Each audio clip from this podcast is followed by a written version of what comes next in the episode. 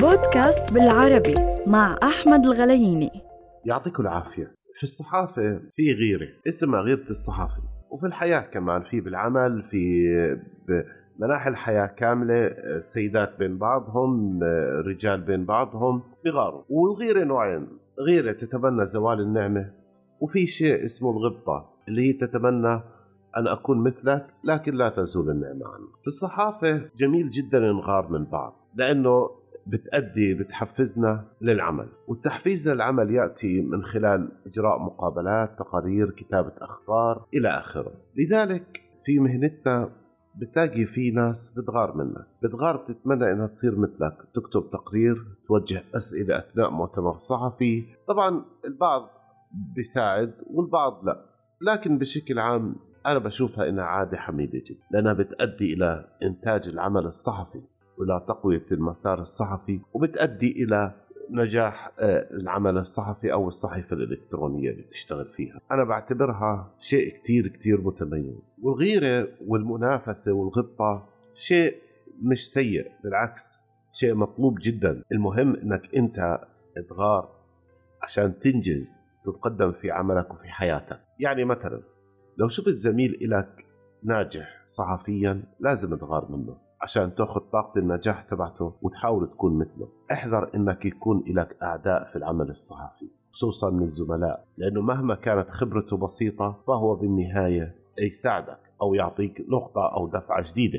لذلك أنا دائما بحاول أكون مع الزملاء الناجحين ومع الصحفيين اللي عندهم شيء.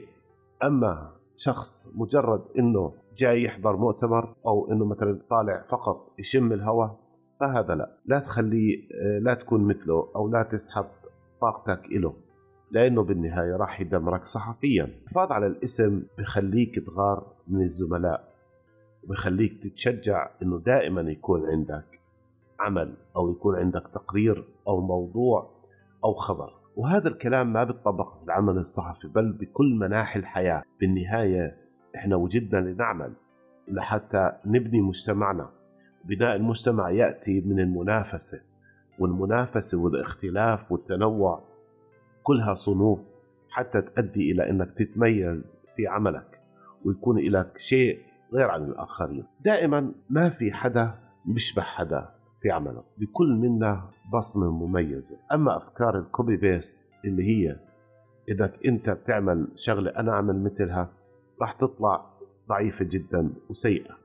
حاول إنك تكون إنسان تجربة معينة وعندك صنف معين لازم تكون متميز.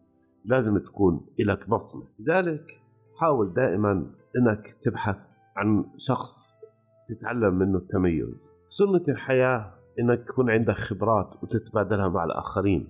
وهاي هي من أسرار بناء هذا الكون.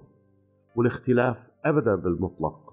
ما راح يكون شيء سيء بالعكس شيء حميد ومطلوب لذلك اختلافك عن زميلك اختلاف زميل عنك واختلاف الأشخاص بين بعضهم بيعمروا هاي الأرض. وعشان يكون لك دائما قيمة وهدف في الحياة فلازم إنك تتبادل خبراتك مع الآخرين. وحتى لو كنت أنت ما بتحب تحكي أو بتحبش تكشف هذا الشيء لكن بينك وبين نفسك لازم يكون لك في الحياة هدف. وهذا الهدف يكون إنك تتميز بعيدا عن المال. المال بيجي بروح. ويمكن أسهل شيء لكن الصعب جدا إنك تكون متميز عشان الناس تبحث عنك وتعطيك المال مقابل عمل. الحمد لله دائما إنه أنا إنسان لا أدعي دائما أنني متميز بالعكس أنا بشوف حالي هذه الفترة كثير نازل مستواي لذلك بحاول أقترب من زملاء ناجحين إلي حتى أقرب منهم وحتى إنه يكون عندي من طاقتهم وآخذ منهم كل جديد. دائما لا تعتمد برضه بالوقت ذاته على نجاحات الآخرين. طور نفسك وطور أدواتك.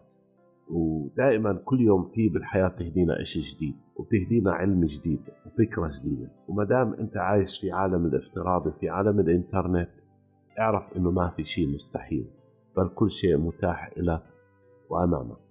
يعطيكم العافية.